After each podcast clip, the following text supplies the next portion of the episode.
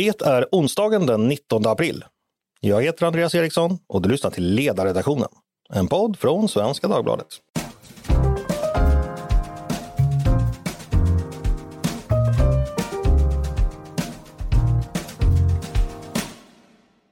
Varmt välkomna! Hoppas ni har det skönt i vårsolen.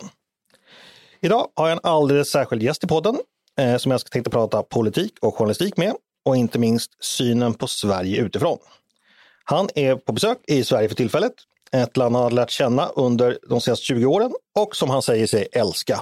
I love Sweden, he told me yesterday. Han heter Fraser Nelson och är chefredaktör för den brittiska tidningen The Spectator. Fraser, uh, welcome to the podcast. Tack så mycket. Wonderful to have you here. How are you today? Um, I'm fine. I'm, I'm, delighted to be back in Stockholm. The spring has started, and I think there's no more beautiful sight on God's earth mm-hmm. than Sweden in early spring. You're too kind. Uh, the Spectator, obviously a very well-known publication, but just for the one or two listeners that isn't all that familiar, uh, could you please tell us a little about the Spectator? Spectator, the short introduction. We're the oldest weekly in the world. We're um, sometimes described as Britain's most influential magazine. We are, you know, smaller than most newspapers, though we now sell more than the Guardian. Um, and we tend to be positioned um, on the right of the centre, but we're not particularly a political magazine. We're mainly here to write about politics, culture, books, um, arts, society in general. We now have got um, a website, so we're a daily publication. We've got podcasts, emails, even Spectator TV, and we've got a keen interest in the outside world. I personally am very interested in Sweden, which is why I'm here. Mm. Could you compare uh, the Spectator to Swedish Fokus, perhaps, if you know it? Um, yeah, I suppose that's the closest comparison, except to most of our subscribers, the Spectator is a daily publication. Mm-hmm. So 70% of our readers don't actually read anything in the magazine, they read the, the, the daily content.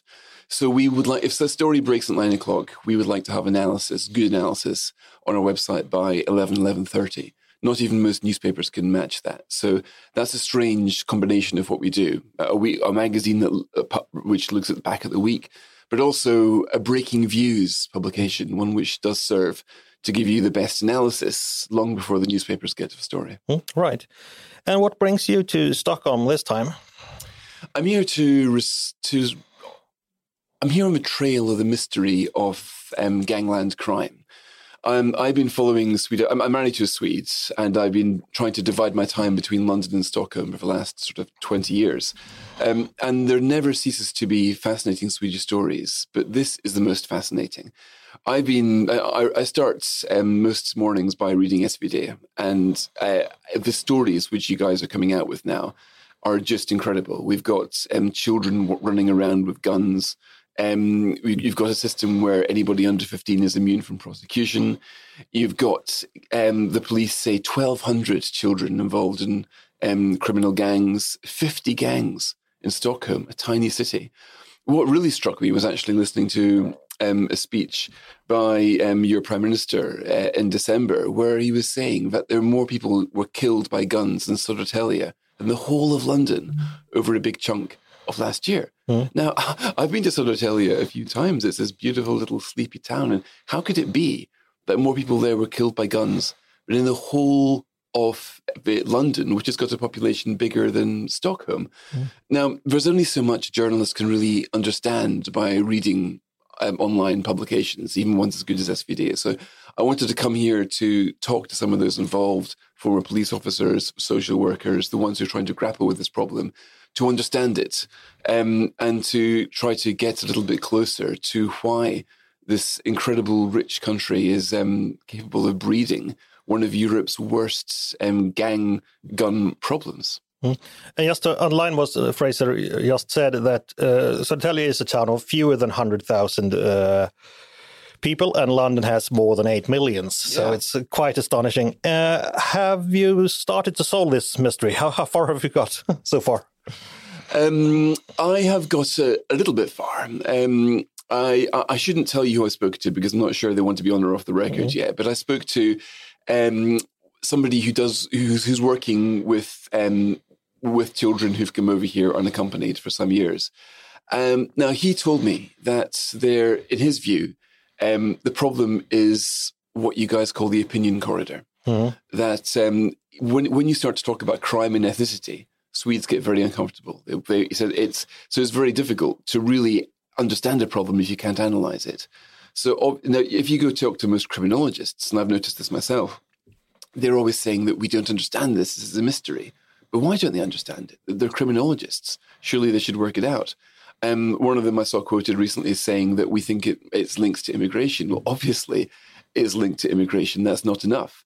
Now, the person I was talking to was saying, look, you need to really atomize this and find out, first of all, wh- where are they from, these people? Are these, there's a difference between Afghans and Somalis. There's a difference between first generation and second generation. Now, superficially, you might link this emergence of crime to the wave of immigration that started in 2014. We all know that Sweden, the great humanitarian superpower, took in more people per capita than any other European country. Um, now, we also know that Sweden has got a pretty good reputation there. My, my, wife herself is the daughter of refugees. They fled to Stockholm from the Soviets after the Prague Spring in 1968. Um, now, she is incredibly grateful to this country, which gave her penniless parents a, a job, a life, a society. She was taught her hemspråk at home. Um, although she did think it was funny how the word hemspråk was used because her home is Sweden. Mm-hmm. So this nods to the integration problems that there are. My, my point is that Sweden has always taken in lots of migrants, but it seems to have taken more than it could handle after 2014. And that was when you start to get more grenade bombings, which have now been supplanted by thermos flask bombings.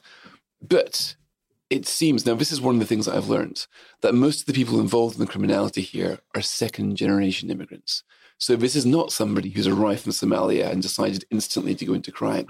These are people who've been in Sweden since childhood or even since they were born, who understand the system, who understand the police, who understand the vulnerabilities in the system, and do have the opportunity to do other things, but they're turning to organized crime. Now, why should that be?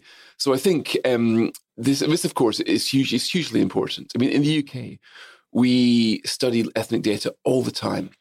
And that's so important because it means that you can go beyond the racial stereotypes. You learn very quickly when you look at this data. But the idea of a dichotomy between white and non white is complete nonsense. In the UK, for example, we've got lots of ethnic groups that do better than the whites. You've got the um, Chinese, they do very good at school, very good economically. Um, it, it, it, people of Indian background do way better than um, people from Pakistani, Bangladeshi background. Why is that? The whites are somewhere in the middle. People from Black African background do better than people from Black Caribbean background. Again, why is that? So you see that cultural values here start to play. This is not about skin color. To most white people, you could not really tell by looking at somebody, really, if they're Black African, Black Caribbean, or or um, Bangladeshi or Indian. But there are, are other things going on. Now, if we're going to understand as a society why things are going wrong, we really need to atomize this and have a look at what's happening. Um, in Sweden, for example, one of the things I've noticed anecdotally is that the Iranians seem to be doing a lot better than the Iraqis. Mm-hmm. Now, why should that be? This is very interesting. But if you want to study this problem, you, you run out of resources pretty quickly in Sweden because there seems to be a certain taboo around delving too deeply around issues of race, culture, attainment, and criminality. So um, that is one of the things that I've noticed. Almost everybody I've spoken to, whether they're former policemen, social workers, even journalists, will say that there comes a point that you, if, if you talk about it too openly, you, fen- you face some censure. You get accused of marching into um, Hitler's Germany.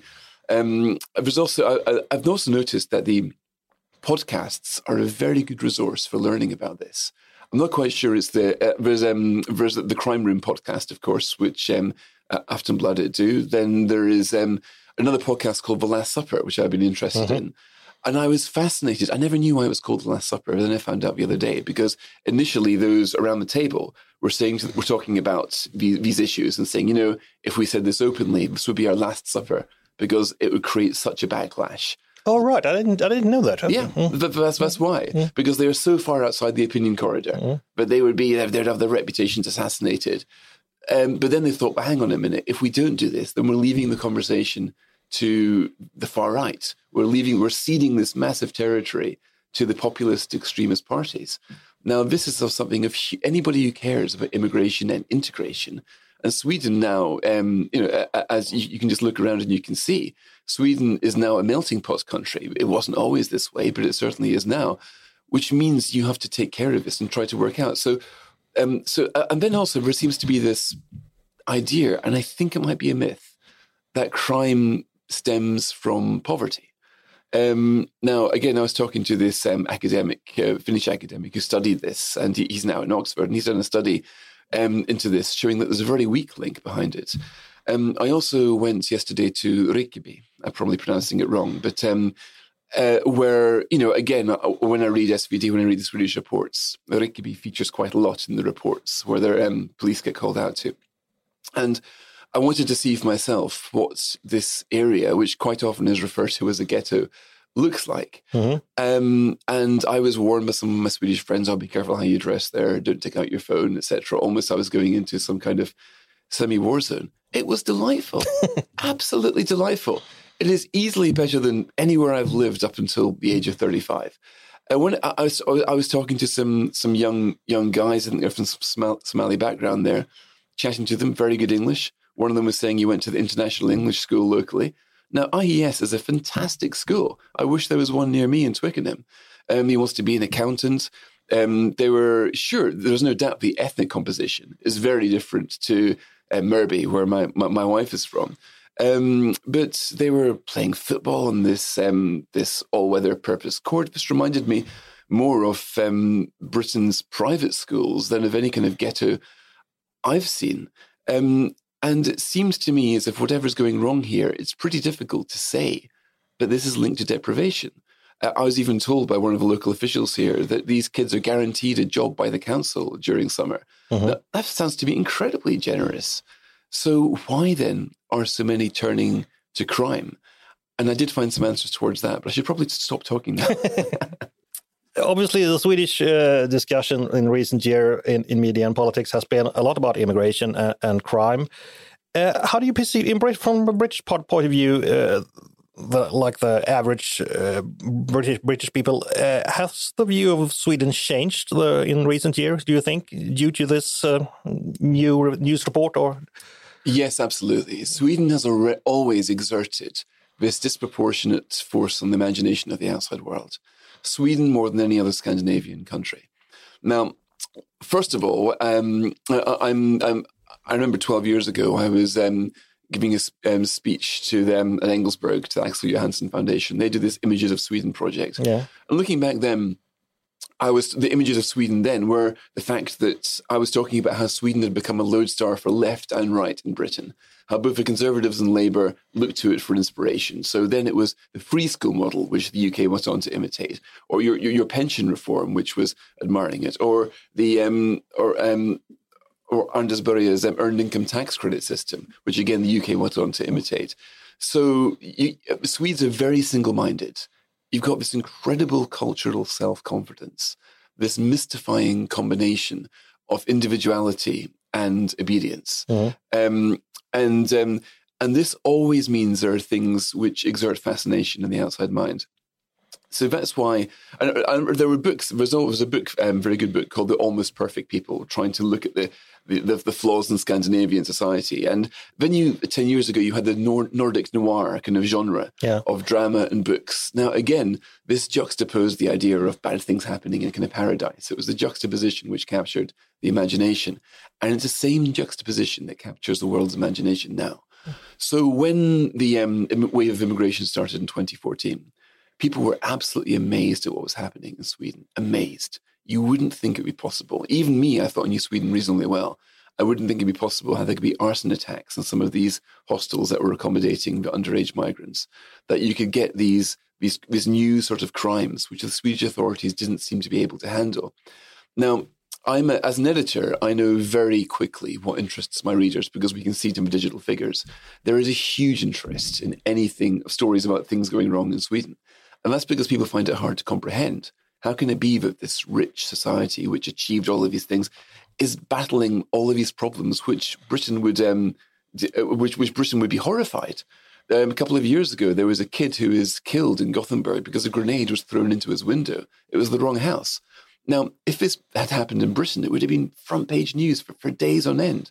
But here it was another story. So all of the time, you're getting stories which are absolutely mind blowingly staggering. Um, we're getting a story about um, a recent 16 year old who killed somebody in a gym recently and then was granted citizenship after the murder.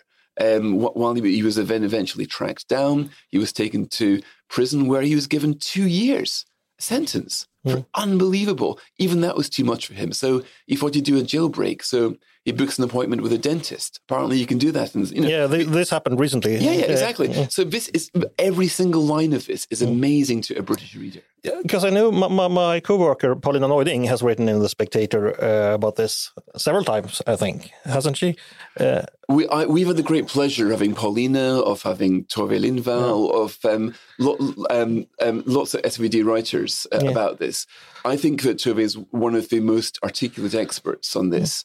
Um, I always have to. The last time I had to beg her to write, she was so busy and said she, she's writing a book and couldn't. So I'd say to her, Paulina, there's nobody who can write this as, as well as you. Yeah. Um, but every line of these stories, whether they're the small criminal stories or the bigger picture, is fascinating because we're trying to ask ourselves, well, the reason why I'm here right now how is this possible? Is this happening in spite of Swedish openness or because of Swedish openness?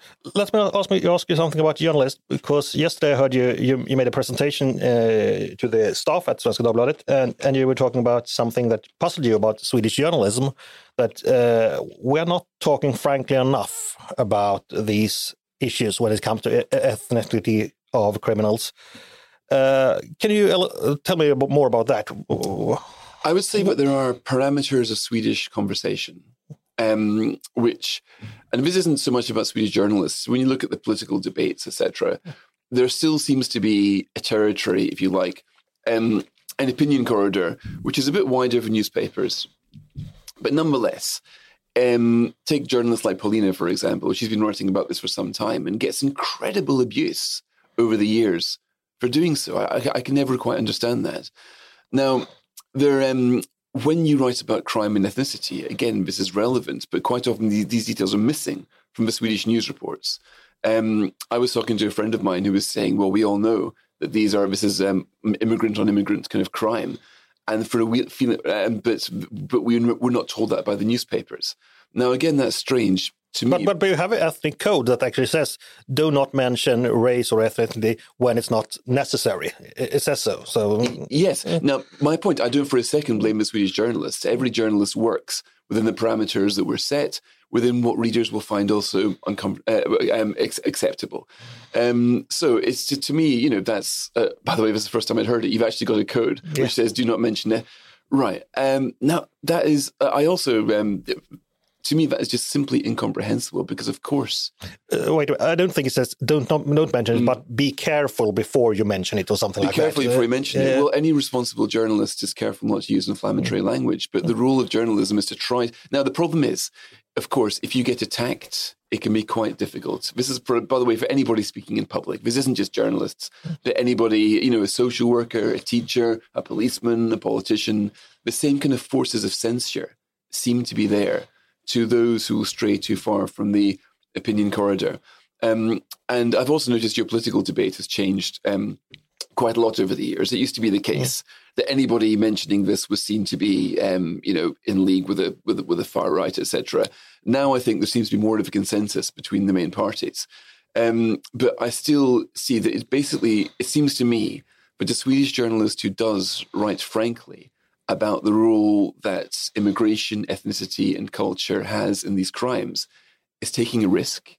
And it requires quite a lot of bravery to do that.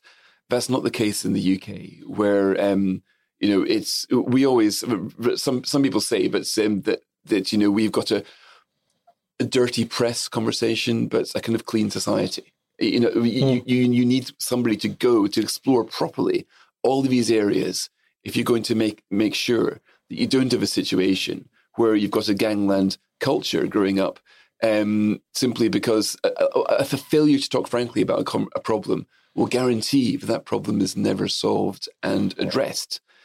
And I can understand why Sweden would not want to change your liberal. Um, to me, the criminal justice system is jaw-droppingly liberal. Um, the the idea, for example, that you get two years for killing somebody if you're a 16 year old hitman, and that you can do a jailbreak by going to a dentist, um, is is just incomprehensible. In Britain, we once, um, you know, we would imprison a 10 year old for murder. We did once with the murder of Jamie Bulger. Um, it doesn't happen very often. But there comes a point where you have to ask if a law is intended to protect children are actually making them more vulnerable to exploitation. Because if it's the case that the criminal censure facing a 14 year old is, is negligible, then of course it's going to make more sense to use that 14 year old to get them to do crime. If a 15, 16, 17 year old is going to face small sentences, then that changes the in, in, incentive structure. Um, I was watching the SVT, SVT, a report recently about these two women who were saying that they were joining the gang culture as well and they if they put on clothes and they looked respectable, then nobody would suspect them. And um, they, they, they, they, were blacked out. And then it cut to some experts saying, well, the problem is, how can we help these women?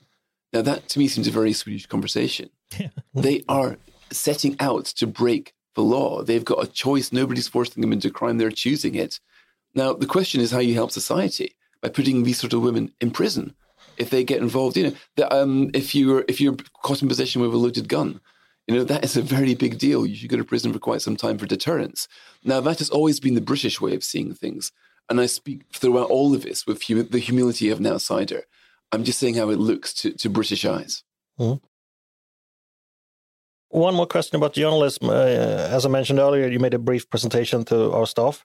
And one thing that caught uh, my uh, attention was your recru recruitment uh, process at The Spectator. Uh, that was quite interesting. Can you just uh, please tell us about it? Yes, I think every newspaper needs people from a diversity of backgrounds and insights. If you're covering the country, then you need people from all sorts of areas. Mm -hmm. So one of the great problems for any uh, organization is how to do that. Now, the funny thing about journalism is that you don't really need um, a, a, degree to do to see the world properly, to write well, to think originally. So how we recruit is we have a no CV policy. We we say to people, don't tell us what your degree is and don't tell us anything about your education. We're going to give you, um, you know, here are 15 challenges. We'd like you to do seven or eight of them. Um, typically, we get 200 entries. We choose the best 10. We take them into the office for a week or two weeks and then we will recruit the best person. So we know nothing about them at all. We don't know how old they are. We don't know. We don't even know their name. We give them city names like, um, you know, like like London or Paris or Mexico or something. Yeah. Um, so that means it's impossible to have any sort of discrimination because quite often in the UK you face sort of positive discrimination. So say you're white and from a rich background, then that shouldn't that shouldn't count against you anymore if you're black and from a poor background. So when we take these people in, we don't know their names, or anything about them, then we find out where they're from. Now, I have found here that you do get diversity, but in ways you never expected to look at it. So when I first did this scheme, I expected a greater diversity of undergraduates, for example. What I found was you get people entering for internships who were in their late 20s. They were career changers. They'd ended up on the of tram lines of their life going in one way and they weren't happy but quite often there are not many opportunities to start completely afresh. So we had that. We had, um, I'll give you some examples. Um, we had a 48 year old mother of three who'd never really worked before, but her kids were old enough so she could have a career. So she started off as a journalist, her first proper job, um, at the age of 48. Now that was she was incredibly talented. She is now she then went to work for the Sunday Times. She's now working as a television producer at the age of 52. She's only been a journalist for four years. So um, that's diversity. Experience never gets old. We've got a former store manager from Lidl, um, Cindy Yu. She's one of Britain's very few, in fact, might even be the only Chinese British journalist. Um, she's incredibly accomplished. She now does a podcast, Chinese Whispers, and she runs our broadcasting division. Um, we had a Ukrainian refugee last year. Um, she was an award-winning um, journalist in Kiev, but she'd been displaced, and she er, there, she was told when she came here that immigrants aren't employed as journalists. Uh, now, looking around the British press, I'm afraid to say that's true. We are not very diverse. Immigrants occupy 20% of UK workers, but probably 0.2% of UK journalists. So Svetlana is now, you know, she's now a staffer with us. Um, she's giving us insights you can never get from a British correspondent covering Ukraine because she understands the language, the culture, the social media. So, in that, we have found that if you take the people from different perspectives and a passion for journalism, a desire to find out the truth, to go in uncomfortable areas, to tell stories, to share, to shine a light in darkness, those are all the journalistic virtues. And they are not confined to graduates from a certain background. There's a whole bunch of people who've got something to contribute. Uh, would you say that journalists uh, in general are two alike? Same training, same experience, same background, same worldview? It's human nature to have this sort of um, bias. And the, the problem sometimes is if you think, okay, we're going to do diversity, you'll think, okay, let's get um, Oxford graduates of all sorts of ethnicities, you know. Um, so you, and I do think that to guard against this, even asking to give a CV, then you're really narrowing it down to people whose life has gone a certain way. Your education so often is a snapshot of whether your life was going well or badly at the age of 17. Some people's life was a mess at 17, they picked themselves up later.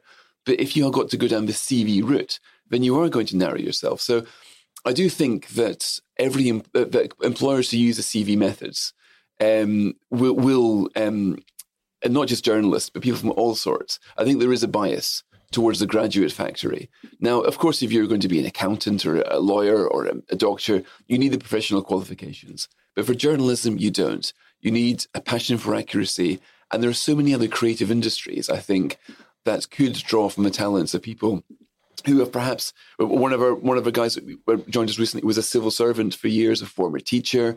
You know, people do not always at the age of 18 know what they want to do. Some people take the wrong decision. And say you real, you make that decision at the age of 25. Um, look at Megyn Kelly, a very famous American journalist. She was a lawyer who decided to be a journalist at the age of 33. So you can make these segues. And I think not enough people do make these um, segues. You also told me something about uh, the podcast, Spectator podcast, that it has introduced uh, the Spectator to a whole new demographic. Why is mm. that, do you think? Well, right now, when you see people on the underground, um, 15 years ago, they would all be reading a newspaper. Now, um, a whole bunch of them have got headphones on. We're listening to podcasts. Podcasts um, with technology has introduced whole new audiences to publications. People who would never think of picking up SvD or thinking of picking up a Spectator can be introduced to our brand of journalism. Mm. Now, if you take the view that um, a publication is like a person, it's got its own character, its own identity, that character can be expressed across any medium you like, or television or um, or um, uh, podcasts or emails, or anything, even TikTok. You know, now what if you manage to express yourself across that, then you will come across an audience who will like the spectator's way of thinking or SVD's way of thinking. Um, and you can get people then interested who would never really pick up a magazine or a newspaper in a shop. And you can get lots of subscribers that way. Now, take the Times newspaper, for example. They've launched Times Radio recently. This is a pioneering endeavor where they've got a live radio station whose purpose is not to make money from adverts. The purpose is to introduce people who listen to podcasts and listen to radio to the Times newspaper. So it's an advertising tool. Now, that has proved very effective. The Times now makes serious money for the first time in living memory. So I do think well, the great thing about podcasts is that you can reach out for people who are not in the habit of taking a daily newspaper or really reading the um, internet and but the other thing about podcasts is they're just so much fun. You know, I think they are. I mean, done properly, this should be a joy. We at the Spectator did podcasts for years before we could think of any real commercial purpose for them. Um, uh, so it's um, so I think that if you manage, if you if you if you love podcasts and that joy comes across to the people who are listening to your podcasts, then you can find you know people who would never otherwise come across you, and it's always great to have that conversation. I also find that when you meet and when I as people come up to me often who are spectator fans, they're way more likely to say, I love your podcasts than to say, I love your magazine. Yeah. Hmm. Now, part of me is a little bit sad about that because I'm a magazine editor. But then again, I think people have got a bond with podcasts. You yeah. get to know the people more. It's almost as if I think of the podcast I listen to. And there's a whole bunch of people who I've never met, who I almost regard as my friends because I've listened to them so much. I know what, how they react. I know what they what, what they get up to in their spare time because they say it. So you, I think podcasts allow a closer personal link, really, between the journalists and the the listener than they do between the writer and the reader. Um, and that can only be good for, for journalism. I think journalism is just so, you know, in this era of fake news, where you get your news from has never been more important. And I think that journalism has never been more important. And the more ways that we can think to to reach out and communicate with people for who for whom they don't really think of the Spectator as a magazine. A whole bunch of people only ever think of it as an email or as a podcast or as a television um, show. Um, and that is only a good thing, I think. Mm. I think we have the same experience here at uh, Svenska Dagbladet Ledare. Uh, Tove told me that she got so much feedback from the podcast. I listened to the pod um, and so on, uh, far, far more than I've read in your in your paper. Because there is, as you say, it's more personal relationship, and you are far more. Uh, uh, you're far more likely to, to comment on a, on a podcast as, as well, I think, because uh, there are a pretty close tie between the listeners and podcasters. Uh, and I hope uh, you listeners know that I have the best job in the world and that that, that you can hear that as well. Uh, uh one question I uh, forgot earlier: uh, opinion corridor. If you tell the average British bloke that, do does she or her he recognize it? Do you have an opinion corridor in Britain as well? We would use different language, I think. Um, we'd probably say that there there are some things if you say them you're going to get cancelled. Mm-hmm. I mean that is a common refrain in most societies. Um, in a healthy society, there that is probably if you're going to say something racist, you know, you will get um, there will be a reaction, and quite right too. Um, I think every society changes in how wide this opinion corridor is. In Britain, we have probably got the greatest um, variety of media of any country in the world. If you go into a newsagent in the UK, you can choose between, I don't know, between 10 or sometimes 15 newspapers. I can't think of any other country in the world where that is true. So every possible opinion is catered for. Um, in America, it's not quite the same. Um, the the reason that Fox News came out of nowhere was because there was a significant chunk of American opinion that was not really catered for by the television. Um, and so in Australia as well, the, the, the, the, confines are a bit more narrow. Wherever the um, opinion corridor is narrower than public opinion, that creates an opportunity for two things. Either an opportunity for decent, respectable, truth seeking journalists, or for cynical, rabble rousing populist politicians. In my view, populism is always and everywhere a symptom of the failure of main political parties to respond to popular concerns. So everywhere when you look around Europe, you see populist party. Um, that is because somebody somewhere has not realized that the people have got some new concerns, usually about demographic change or the, um, and they haven't responded to that.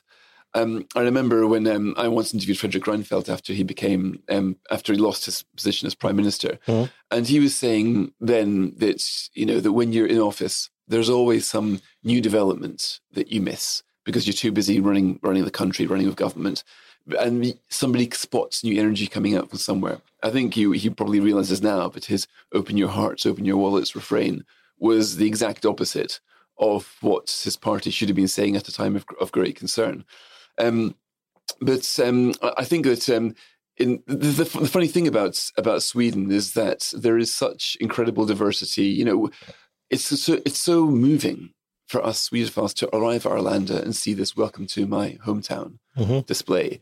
Is probably, to my mind, the most beautiful work of public art in Stockholm because it shows you that this is a country famous by its people each of these guys individually is why the public, the outside world, has got a warm view of Sweden. It's not because of the lakes, it's not because of ABBA, it's because of the incredible diversity of people which which you which you guys produce.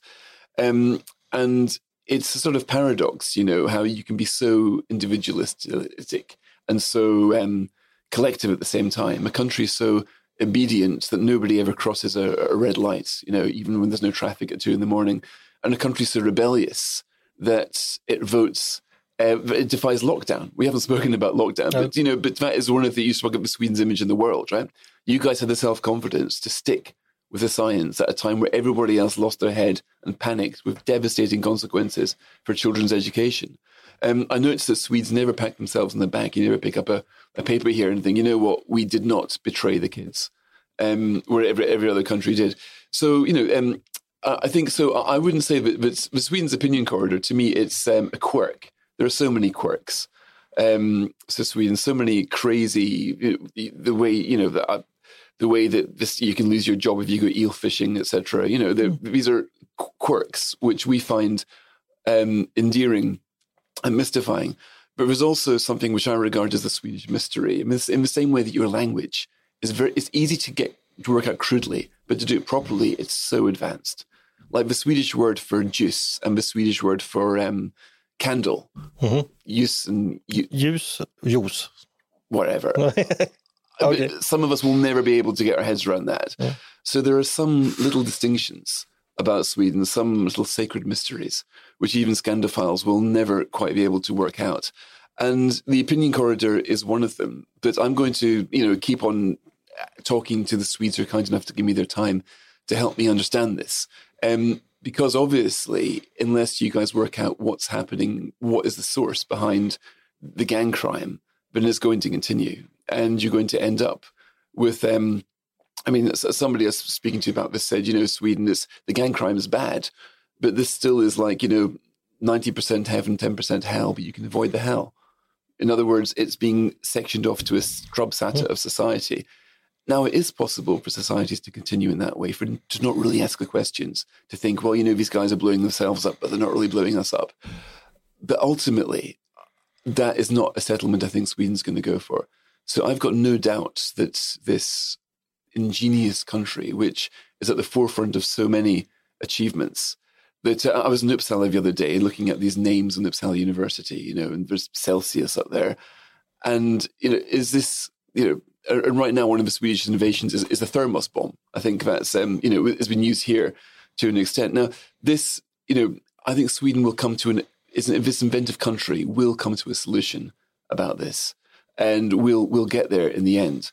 Um, I think it's you know the I still when I look around Sweden, actually, even though I'm here talking about gang crime, what strikes me is just how well you have integrated and continue to integrate new arrivals. Um, even people who've arrived here in the last last five to ten years. It was, um, you know, it was. I, I, was watching Melfest this year. You know, we've got a Palestinian Swedish mm. presenter. I haven't seen many Palestinian British television presenters. Um, there's so many things which um, I think Sweden gets it wrong so seldom that it becomes almost spectacular. Becomes, but, but when we do get it wrong, we get it really wrong. exactly yeah. so. And you struggle to talk about why you're getting it really wrong. So that's the funny thing about Sweden. You, in my view, you sometimes struggle to talk about your real successes. And I think there have been huge successes in integration, huge successes in um, in public health policy, but also something going really wrong now um, with gang crime and this is something which, which, you will be able to remedy. Oh, the police need to be given new mandates, the courts need to be given new powers. Mm. You'll get there. Um, but it will having to be adjust from being a sort of monocultural society to a multicultural society. And that I think is quite a, a big change. Sweden, the country that continues to puzzle uh, Fraser Nelson and the world. Uh, thank you, Fraser Nelson, for joining me today. Great pleasure to be here. Thank you. Och tack till er som har lyssnat också på ledarredaktionen. Jag hoppas ni står ut med min eh, något oslipade engelska. Ledarredaktionen, en podd från Svenska Dagbladet.